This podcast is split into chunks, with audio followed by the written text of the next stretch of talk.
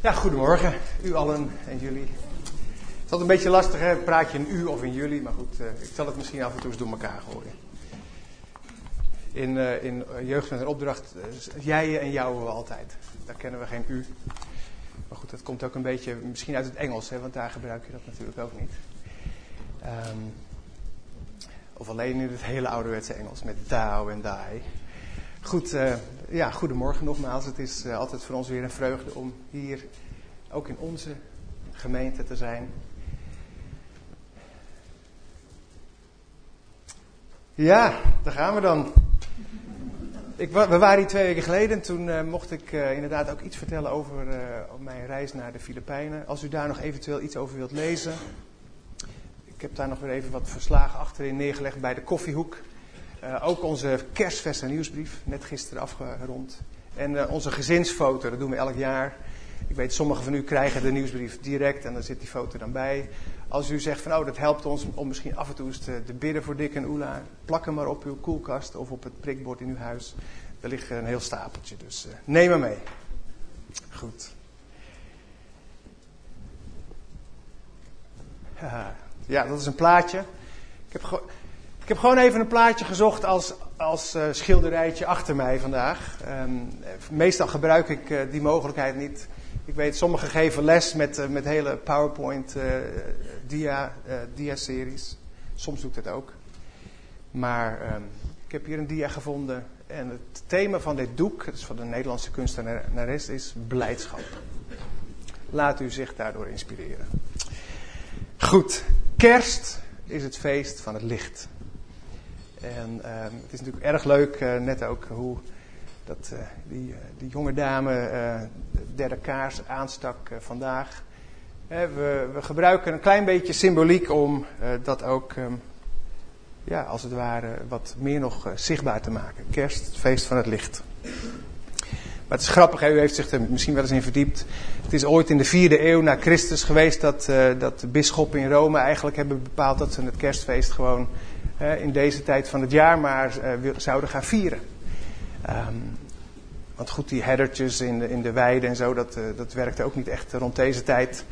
Maar uh, daar hadden ze natuurlijk een goede reden voor, die, die bisschoppen, omdat ze zagen dat vooral in de donkere Europa, hè, natuurlijk met die zonneverering, goed, het is een heel mixje van heidens en christelijk geworden. Maar goed, de donkere dagen, de kortste dagen, en um, de kerkleiders hebben toen gezegd: het zou geweldig zijn als we het feest van kerstfeest juist ook in die tijd gaan plaatsen. als het ware om, om te vervangen uh, de, de gebruiken die er waren in die tijd waarin mensen ook nog niet met God uh, leefden. Dus het is in, de noordelijke, in het noordelijke halfrond, denk ik altijd maar zo, is het heel mooi om juist het feest van het licht te vieren in hele donkere dagen. Maar goed, als je naar Australië gaat of naar uh, Zuid-Afrika, ja, daar wordt kerst aan het strand gevierd. Daar is het natuurlijk zomer. Dus uh, kaartjes met sneeuw, dat werkt daar niet zo goed. Maar voor ons in Europa is het natuurlijk heel mooi. En, het, en het eigenlijk uh, geeft het iets extra, nog iets extra kracht aan het, aan het geweldige nieuws dat inderdaad Christus het licht van de wereld is. Dus op zich niet zo gek dat die kerkleiders dat op die manier toen hebben gedaan.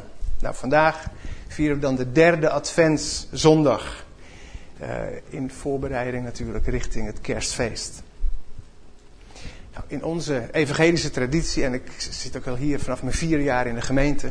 In onze evangelische traditie kennen we eigenlijk niet zoveel uh, liturgie en symbolen. en eigenlijk is, is onze kerkstroming een soort reactie natuurlijk mede ja, de hele reformatorische beweging ooit. Een reactie geweest natuurlijk op op de overkill wellicht in de Rooms-Katholieke kerktraditie met alle symbolen en de liturgieën. Dat werd toch ervaren als een soort straitjacket, een soort dwangbuis. En hè, wij willen met de geest natuurlijk vrij zijn, eh, ook in onze aanbidding. Maar goed, eh, ik moet u zeggen dat, eh, dat ik wel iets meer waardering ben gaan krijgen ook voor sommige symbolen of sommige liturgie. Ehm, ik maak ook binnen onze organisatie natuurlijk proberen we allerlei verschillende vormen ook van, van aanbidding hè, tot God proberen we uh, ook soms te beoefenen. En heel af en toe hebben we ook als iemand die ons echt leidt in bijvoorbeeld zo'n Keltische, echte liturgische gebedstijd. Dat is toch wel heel bijzonder. Hè? Met gebeden die al eeuwen geleden zijn opgeschreven. Mensen ook echt gevuld met de geest van God. Enkele elementen van vanochtend haal ik ook uit de wat meer de katholieke traditie van kerst en voorbereiding van kerst. En een van die dingen is al de kleur van mijn shirt. Heeft u het gezien? Wat is dat? Nee. Roze. Eigenlijk is paars is de, de kleur van de advent. Paars, de eerste zondag. Hè. Sommige kerken hebben ook eerst twee paarse kaarsen. Dan een roze kaars. En dan een witte kaars. Hè, natuurlijk voor het kerstfeest. Dus roze is alweer de kleur. Het, het, het licht gloort al wat. En vandaar dus um, het roze. Maar goed, het is totaal onbelangrijk. Maar ik denk, ik doe het toch even aan. Mijn roze overhemdje. Maar een van de, een van de, de dingen waar, ik, waar eigenlijk ook het thema van vandaag uit is voortgekomen, is ook al vanuit een hele oude litur, liturgie voor Advent. En ook alweer eeuwen geleden hadden ze daar in de Latijnse taal een mooi uh, gezang voor geschreven. Gaudete. Nou, ik heb het nog nooit gezongen. Ik heb pas eens op YouTube geluisterd. Zo'n Gregoriaans lied.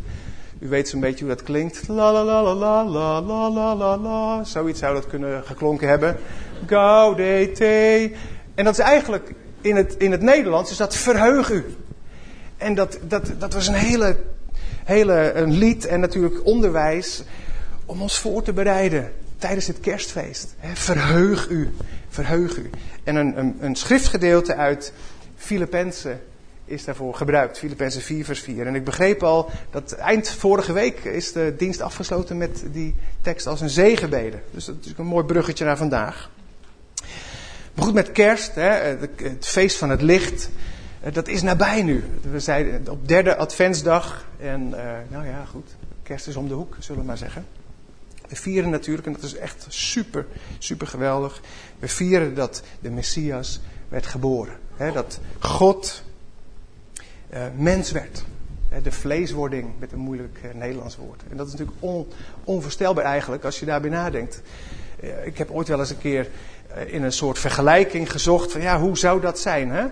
en elke vergelijking in deze gaat mank. Maar ik weet niet of u ooit wel eens vroeger zo'n kijkdoos heeft gemaakt. Zo'n oude schoenendoos en dan maakt u dan twee gaatjes in. En dan zet hij daar allemaal figuurtjes in met een soort, uh, iets van een doorschijnend uh, dingetje eroverheen. En dan ging je daar zo in kijken. Dat was echt geweldig. Ik weet niet, hebben jullie dat wel eens gedaan? Ja, de meeste wel hè. Ik weet niet of de kinderen het nu nog doen hoor. Tegenwoordig zitten ze te gamen. Oh ja, doen ze dat nog steeds? Oké. Ik heb het bij onze kinderen nooit gezien. Maar moet je eens voorstellen dat u, dat jij in dat eigen kijkdoosje gaat bewegen. Dat is jouw, jouw nieuwe werkelijkheid. Dat, daar kunnen we natuurlijk helemaal niets bij voorstellen. Dat je iets wat je zelf maakt, dat je daar dan vervolgens ook eh, als het ware gewoon helemaal deel, deel van gaat worden. Nogmaals, elke vergelijking gaat hier in mank. Maar het is heel wat dat God eigenlijk ervoor koos om, om in zijn eigen schepping eigenlijk uh, gewoon helemaal ja, te gaan participeren. En um, goed, daar zullen we deze weken natuurlijk heel veel over horen. Het Bijbelgedeelte, dus nogmaals Filippenzen 4, vers 4. Ik lees eerst even het eerste vers in een paar verschillende vertalingen. Eerst de NBG, dat is de, voor de, in elk geval de mensen boven de 20 de meest bekende nog. Verblijd u in de Heer ten alle tijden. Wederom zal ik zeggen, verblijd u. Die, die kennen de meesten van ons wel, hè, uit ons hoofd. Dan de Willybrod vertaling, dat is een beetje een soort katholieke vertaling. Heerlijk. In elke kerk en elke traditie zijn mensen die, uh, die de Heer kennen. Uh, ook in de katholieke kerk. Yes, halleluja. Verheug u uh, altijd in de Heer, zegt de Willybrod vertaling. Verheug u altijd in de Heer. Ik herhaal het. Verheug u. Prachtig. De Groot Nieuwsbijbel. Dat is weer een wat vrijere vertaling. Wees altijd blij in de Heer. Nog eens, wees blij. En dan de NBV, die we tegenwoordig denk ik het meeste wel gebruiken. Laat de Heer uw vreugde blijven. Ik zeg u nogmaals, wees altijd verheugd. Nou, ik wil toch even een paar versen ook lezen uh, die volgen op Filippenzen 4 vers 4. Oh, dan moet ik wel even mijn brilletje gebruiken. Ik heb mijn aantekeningen al tegenwoordig een paar lettergroottes uh, vergroot. Ik weet niet of sommigen van u dat ook wel eens doen. Dan is het toch verdraaid niet meer te lezen zonder bril.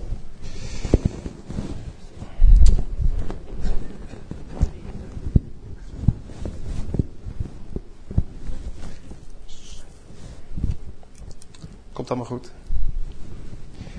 Maar goed, het woord van God. Mensen, dat is echt zo'n voordeel dat we dat hebben, ook in onze taal. Er zijn nog steeds wel een paar duizend uh, volkjes, of volken, die de, de Bijbel nog helemaal niet, hun eigen taal hebben. Dus uh, laten we daar ook altijd maar weer dankbaar voor zijn. Er staat het volgende. Laat de Heer uw vreugde blijven. Ik zeg u nogmaals, wees altijd verheugd. Laat iedereen u kennen als vriendelijke mensen. De Heer is nabij. Wees over niets bezorgd. Maar vraag God wat u nodig hebt en dank Hem in al uw gebeden.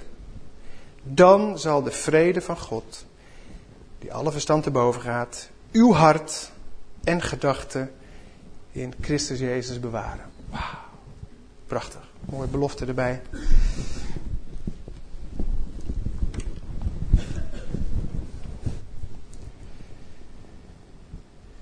Goed, waarom is dit thema van vreugde zo neergezet? Hè? Uh, ook door Paulus in de Filippenzenbrief. En ook voor vandaag. Waarom is dat zo belangrijk?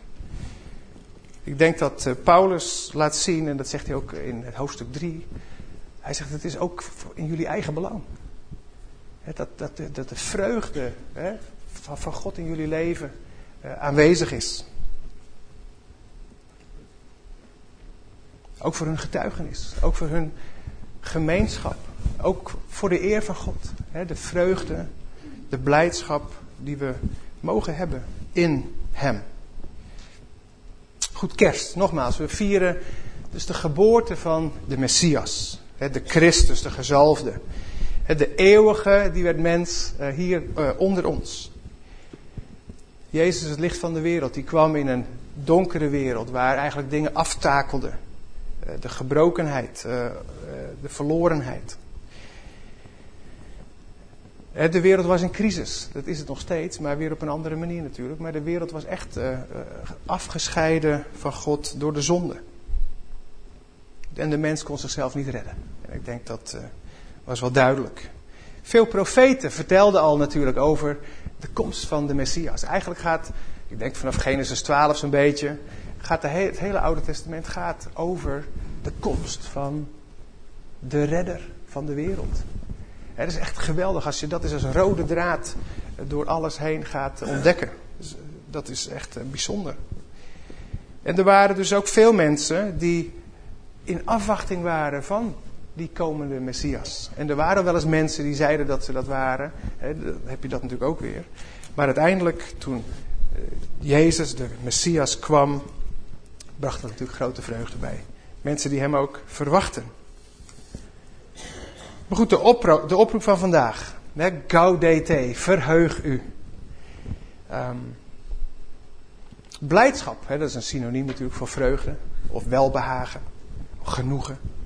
Um, blijdschap is een van de vier, voor, voor die het nog niet weten, even een stukje onderwijs. Een van de vier basisemoties. er zijn soms rijtjes van zes basisemoties, maar meestal noemen ze er vier. En ik geef eerst even de mooie woorden en daarna even een ezelsbruggetje om ze goed te onthouden. woede is er eentje. Angst. Verdriet. Vreugde. Woede, angst, verdriet, vreugde. Makkelijker te onthouden zijn de vier B's. Boos. Bang. Bedroefd. En blij. Boos. Bang. Bedroefd. Blij. Vier basisemoties. En alle emoties zijn door God gegeven. Die hebben ook een functie. Maar blij, blijdschap is eigenlijk alleen maar mogelijk als die drie andere emoties er niet zijn. Of een soort van minder sterk. want die emoties van bang, boos of bedroefd, ja, jullie kennen hem. Dat zijn eigenlijk allemaal een soort van onwenselijke, onwenselijke situaties waar je op reageert. En als je dus boos bent of je bent bang, um, of je bent bedroefd, ja, dan, dan is er eigenlijk heel weinig ruimte voor de emotie van vreugde en blijdschap. Dat, dat, dat zit gewoon aan elkaar gekoppeld. En dat is wel belangrijk ook om, om dat te begrijpen, hoe dat dan werkt. Maar goed, die emoties helpen ons. Hè? Die geven ons een, soms ook een primaire reactie die ons kunnen beschermen. Noem maar op. Goed, van alles over te zeggen. Maar blijdschap ontspant zich. Of uh, uit zich in een stukje ontspanning in het lichaam. In stralende ogen. Misschien in, in je mond die gaat uh, lachen. Uh, je lichaam, je krijgt energie. Hè? Als, als, als de emotie van blijdschap in je leven aanwezig is. misschien soms maar even heel kort. het lucht op, het geeft verlichting. En als blijdschap aanhoudt, ja, dan, heb je, dan voel je echt, echt diep, diep gelukkig. Dat is uh, gewoon iets wat, wat, ja, wat, wat God denk ik ons ook wil geven. Blijdschap komt ook vaak voor wanneer een verlangen wordt vervuld.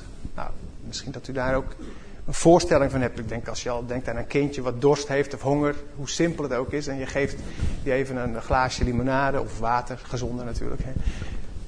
Blij of wat te eten. Um, maar ook bij een gevoel van voldoening ontstaat ook blijdschap of dat je echt iets klaarmaakt. Of uh, waar je hard voor hebt gestudeerd en je krijgt dan je diploma. Ik had, dit jaar heb ik getraind voor een marathon. En als je dan die marathon uh, vol, uh, vol, vol hard. ik heb kerels in janken van geluk. Die waren zo blij, weet je. Dat is gewoon ontzettend leuk. Dus blijdschap is ook als je iets. Yes. gevoel van voldoening. Kan ook echt blijdschap veroorzaken. Maar het helpt een positief perspectief te hebben. Op jezelf, maar soms ook op anderen of op situaties. Blijdschap. Hè, mensen zijn graag in de buurt van blije mensen. En dat, ik denk als we even denken aan die vier emoties. Ja, ik denk dat we unaniem zijn over het feit dat blijdschap natuurlijk de leukste is. Maar goed, die anderen die zijn er ook. Hè. Gelukkig maar. Maar goed, hè, hoe, eh, hoe uh, in het licht van vanochtend verheugen. Hè, hoe gaan we daar dan ook weer mee om? Ja, waar halen we die blijdschap vandaan? Het was interessant, van de week hoorde ik uh, op de radio op een gegeven moment een berichtje langskomen. En, soms heb je wel eens iets waar dan even je oor uh, naar spitst. En dat uh, ging over een een of andere schrijver van een boek. Rutger Bregman, een of andere Nederlandse historicus. En het ging over een prijs die hij dus heeft gewonnen. De Liberalesprijs voor het beste Nederlandse non-fictieboek. Nou, dat mag je allemaal vergeten. Titel van zijn boek is De geschiedenis van de vooruitgang. En... Um, daar heeft hij zijn eigen analyse over, hè, de geschiedenis en de trends en wat is al in onze maatschappij eigenlijk allemaal uh, zo ontwikkeld en gebeurd. En wat we bereiken zo met elkaar. En wat mij dus opviel, was een hele korte samenvatting waarin hij zegt, hè, we zijn rijker, gezonder en veiliger dan ooit, maar voelen ons steeds vaker tekort gedaan. Waar komt dat onbehagen vandaan? Ik vond, ik vond het het, het me wel ergens. Ik denk, misschien dat ik dat boek eens gelezen. Um, en dat zie ik ook wel om me heen. Dan denk je, ja jongens, we hebben toch eigenlijk uh, alles, zou je denken. Hè? Um, heel veel dingen zijn gewoon goed voor elkaar. Maar toch zijn heel veel mensen toch niet, uh, niet echt uh, tevreden of blij. Dus hè, wat, wat, wat, waar komt dat dan door? Er zijn natuurlijk een hoop dingen die onze vreugde kunnen roven. Ik heb dus al even die emoties genoemd, hè, van boos, bedroefd en bang. Die, die, uh, die, die, die staan een soort van tegenover blijdschap. En ik moest gewoon eens aan een paar. We kunnen waarschijnlijk onder elkaar een hele lijst maken van dingen die onze vreugde ook kunnen roven. Niet waar? We, hebben allemaal wel onze shortlist waarschijnlijk. Uh. Maar ik moest denken aan bijvoorbeeld disharmonie. Als je in relaties merkt dat er spanning is of conflict dat rooft, bij mij in elk geval, rooft uh, blijdschap. Ik denk, daar heb je te maken misschien wel met boos, bang en bedroefd, uh, soms alle drie tegelijk. Hè, als relaties gewoon niet werken. Da daar word je niet vrolijk van. Zorgen. Als je je zorgen maakt hè, over, misschien over morgen. Uh, is er wel voorziening genoeg? Misschien dat je werkloos bent. En er kunnen hele goede redenen zijn waardoor je bezorgd bent. Ik denk, daar zit daar zit de angst, hè, bang zit daaronder hè, voor de dingen die gaan komen. Het kan ook echt je vreugde, kan het roven. Moet ik denken aan eenzaamheid. Hè, isolement, een soort van afgesneden zijn van echte fellowship met andere mensen. En mensen die alleen zijn, hoeven niet per se eenzaam te zijn. Maar eenzaamheid, dat kan ook een, ja, een, een, een, goed, ik denk dat bedroefd, dat dat, dat daarbij hoort. Als ik aan, aan eenzaamheid denk, dan denk ik, ja, mensen die, die, die hebben een soort droefheid over het feit dat ze misschien niet verbonden zijn hè, met andere mensen. Dat kan ook je vreugde, kan dat wegnemen. Ik moest ook denken aan ontevredenheid. En misschien komt dat wel een beetje terug uit dat boek. Hè, dat mensen eigenlijk, ook al hebben ze eigenlijk alles, toch ergens ontevreden zijn. En misschien zelfs een stukje zelfmedelijden hebben, dat is natuurlijk wel een heel sterke. Maar ik denk dat, dat misschien daar een stukje boosheid onder zit. Dat je voelt dat je onrecht eh, wordt aangedaan. Hè. Dat ook zal vreugde kunnen roven. En het is helder dat we niet altijd onze situatie kunnen veranderen. Maar je ziet ook dat soms eh, als mensen in hele lastige situaties zitten, dat ze niet per se boos, bang, bezorgd hoeven te zijn. Maar dat ze soms wel toch die blijdschap, uh, blijdschap hebben. Hè? En dat heeft wellicht ook te maken met een stukje perspectief op die situatie. En je eigen reactie op die situatie. Mooi voorbeeld uit de Bijbel. En ik, ik vanochtend in de auto uh, ontdekte ik ineens dit, dit, grappige linkje. Mooi voorbeeld uit de Bijbel kennen we allemaal. Is Paulus en Silas. Die in Filippi die zijn dus net naar Europa gekomen en die, die zitten gelijk in de gevangenis. U kent het verhaal, ze zitten daar in de, in de blokken en ze zingen een loflied tot God. Ze jubelen en dan komt er die aardbeving en dan, hè, dat, u kent het verhaal? Eigenlijk wel erg leuk, want hij schrijft deze brief aan de gemeente in diezelfde stad. Waar hij dus zelf uh, gevangen heeft gezeten. Dus ik denk, hij spreekt wel met gezag als hij zegt, verheug u. En hij blijft zijn mensen daar maar aan herinneren van verblijd u, verheug u. Uh, altijd verheug u in de Heer. Omdat hij daar ook zelf in erbarmelijke omstandigheden zat. Niet wetende wat zou gebeuren. Maar dat hij ja, gewoon zijn vreugde naar God uh. Samen met Silas. Was dat toch? Samen met Silas of niet? Wel met iemand anders was het. Paulus was erbij. Ik heb het niet nagezocht. Goed, ik was natuurlijk pas uh, op reis ook in de Filipijnen, waar je ook natuurlijk uh, in, echt in een hele moeilijke situatie terechtkomt. En zeker voor de mensen daar natuurlijk echt uh, de moeilijkste tijd van hun leven. Veel gezinnen natuurlijk, die familieleden zijn kwijtgeraakt. Mensen hebben echt helemaal niks meer. Een mix, complexe mix van emoties, dat voel je ook zelf wel. Um, en de omstandigheden voor ons om als team ook te werken waren natuurlijk ook gewoon niet ideaal. Is eigenlijk van alles niks en het is heet. Um, het, is, ja, het stinkt. Ik bedoel, alle omstandigheden zijn, uh, zijn uh, eigenlijk niet optimaal. Maar het was zo bijzonder om ook daar uh, voor ons als team, en ik heb het zelf ook zo ervaren, gewoon echt zo diepe vreugde en echt dankbaarheid te ervaren. Dus dat die emotie, ik denk ook door, door God echt, echt ja, gewoon in, in, in het leven en in die situatie gebracht. Dus het is eigenlijk weer heel uh, mooi om dat te zien. Hè? Dat je in zo'n moeilijke situatie toch echt de vreugde van God kan ervaren. Nu was het natuurlijk anders voor veel mensen die we spraken. Die we ook echt geprobeerd om te bemoedigen. En om ze ja, te helpen om wat Gods perspectief ook in hun situatie uh, te krijgen. Goed, ik had het net even over um, ja, soms zorgen maken. Um, of uh, relaties die misschien wat onder uh, druk staan. Het is interessant dat in dit Bijbelgedeelte van Filippenzen 4, dat daar eigenlijk Paulus in zekere zin al een beetje een antwoord op geeft in de versen die volgen. Um, daar staat namelijk in vers 6, wees over niets bezorgd. Dus het is net of Paulus al weet van ja, je kan echt, e-, eigenlijk je vreugde in de Heer kun je niet, niet beleven als je bezorgd bent. Maar hij, hij bevestigt ze opnieuw van hé, hey, je hoeft niet bezorgd te zijn. De Heer is nabij. Wees niet bezorgd en vraag God wat u nodig hebt. En dan heeft hij het ook over de vrede van God. Hè, die, die, die God wil geven. Vrede heb je nodig als er onvrede is. Als er conflict is, als er spanning is. Misschien in je eigen hart heb je soms vrede nodig. Of in uh, relaties met andere mensen. Goed, de vrede van God, de voorziening van God. Maar goed, Filippenzen 4 gaat niet alleen over blijdschap, um, maar gaat over blijdschap in de Here. En daar wil ik gewoon kort ook even nog bij stilstaan. Verblijft u in de Heer, staat er. Verheugt u altijd in de Heer. Wees altijd blij in de Heer. Het gaat hier over het voorwerp of het onderwerp van onze vreugde. De Heer, Jezus, die we ook verwachten met kerst, waar we straks weer feest om vieren.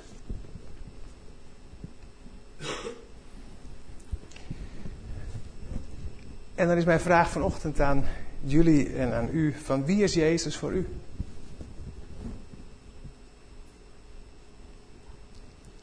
is hij die redder? Die met de hoogste prijs u eigenlijk heeft eh, vrijgemaakt voor eeuwig. Die zijn leven heeft gegeven. Is, is hij uw redder? Is hij uw heiland? Uw verlosser?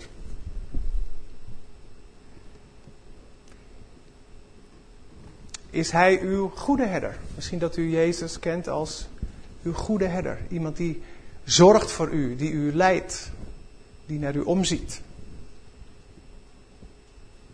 Ik zag dat mooie bord hangen daar aan de muur met uh, Jezaja 9. is, uh, is Jezus uw sterke God?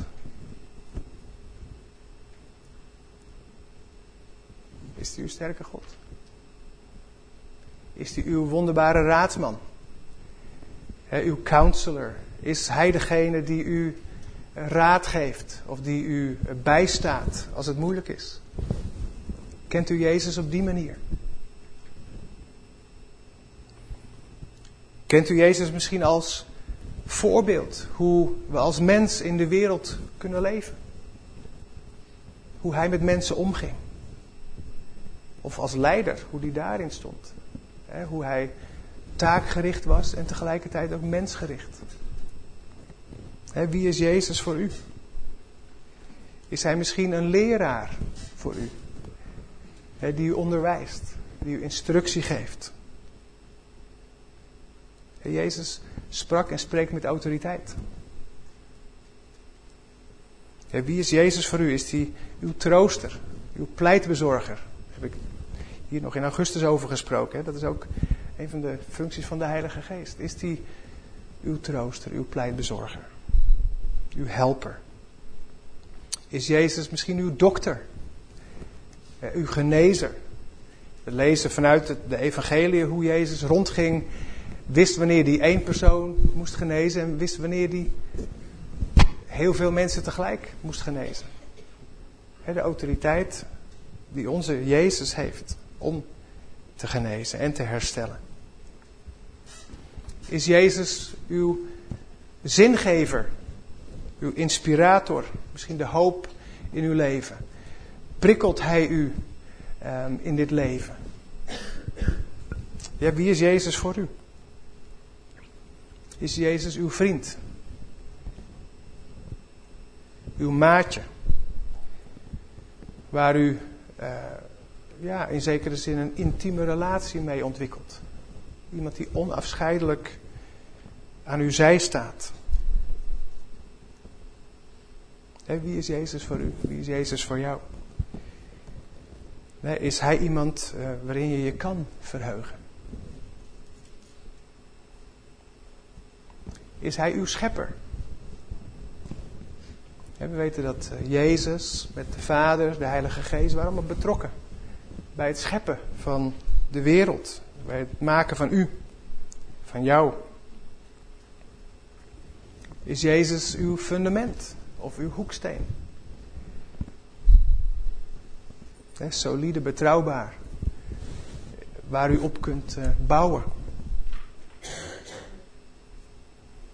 Is Jezus uw werkgever of, of uw uitzender?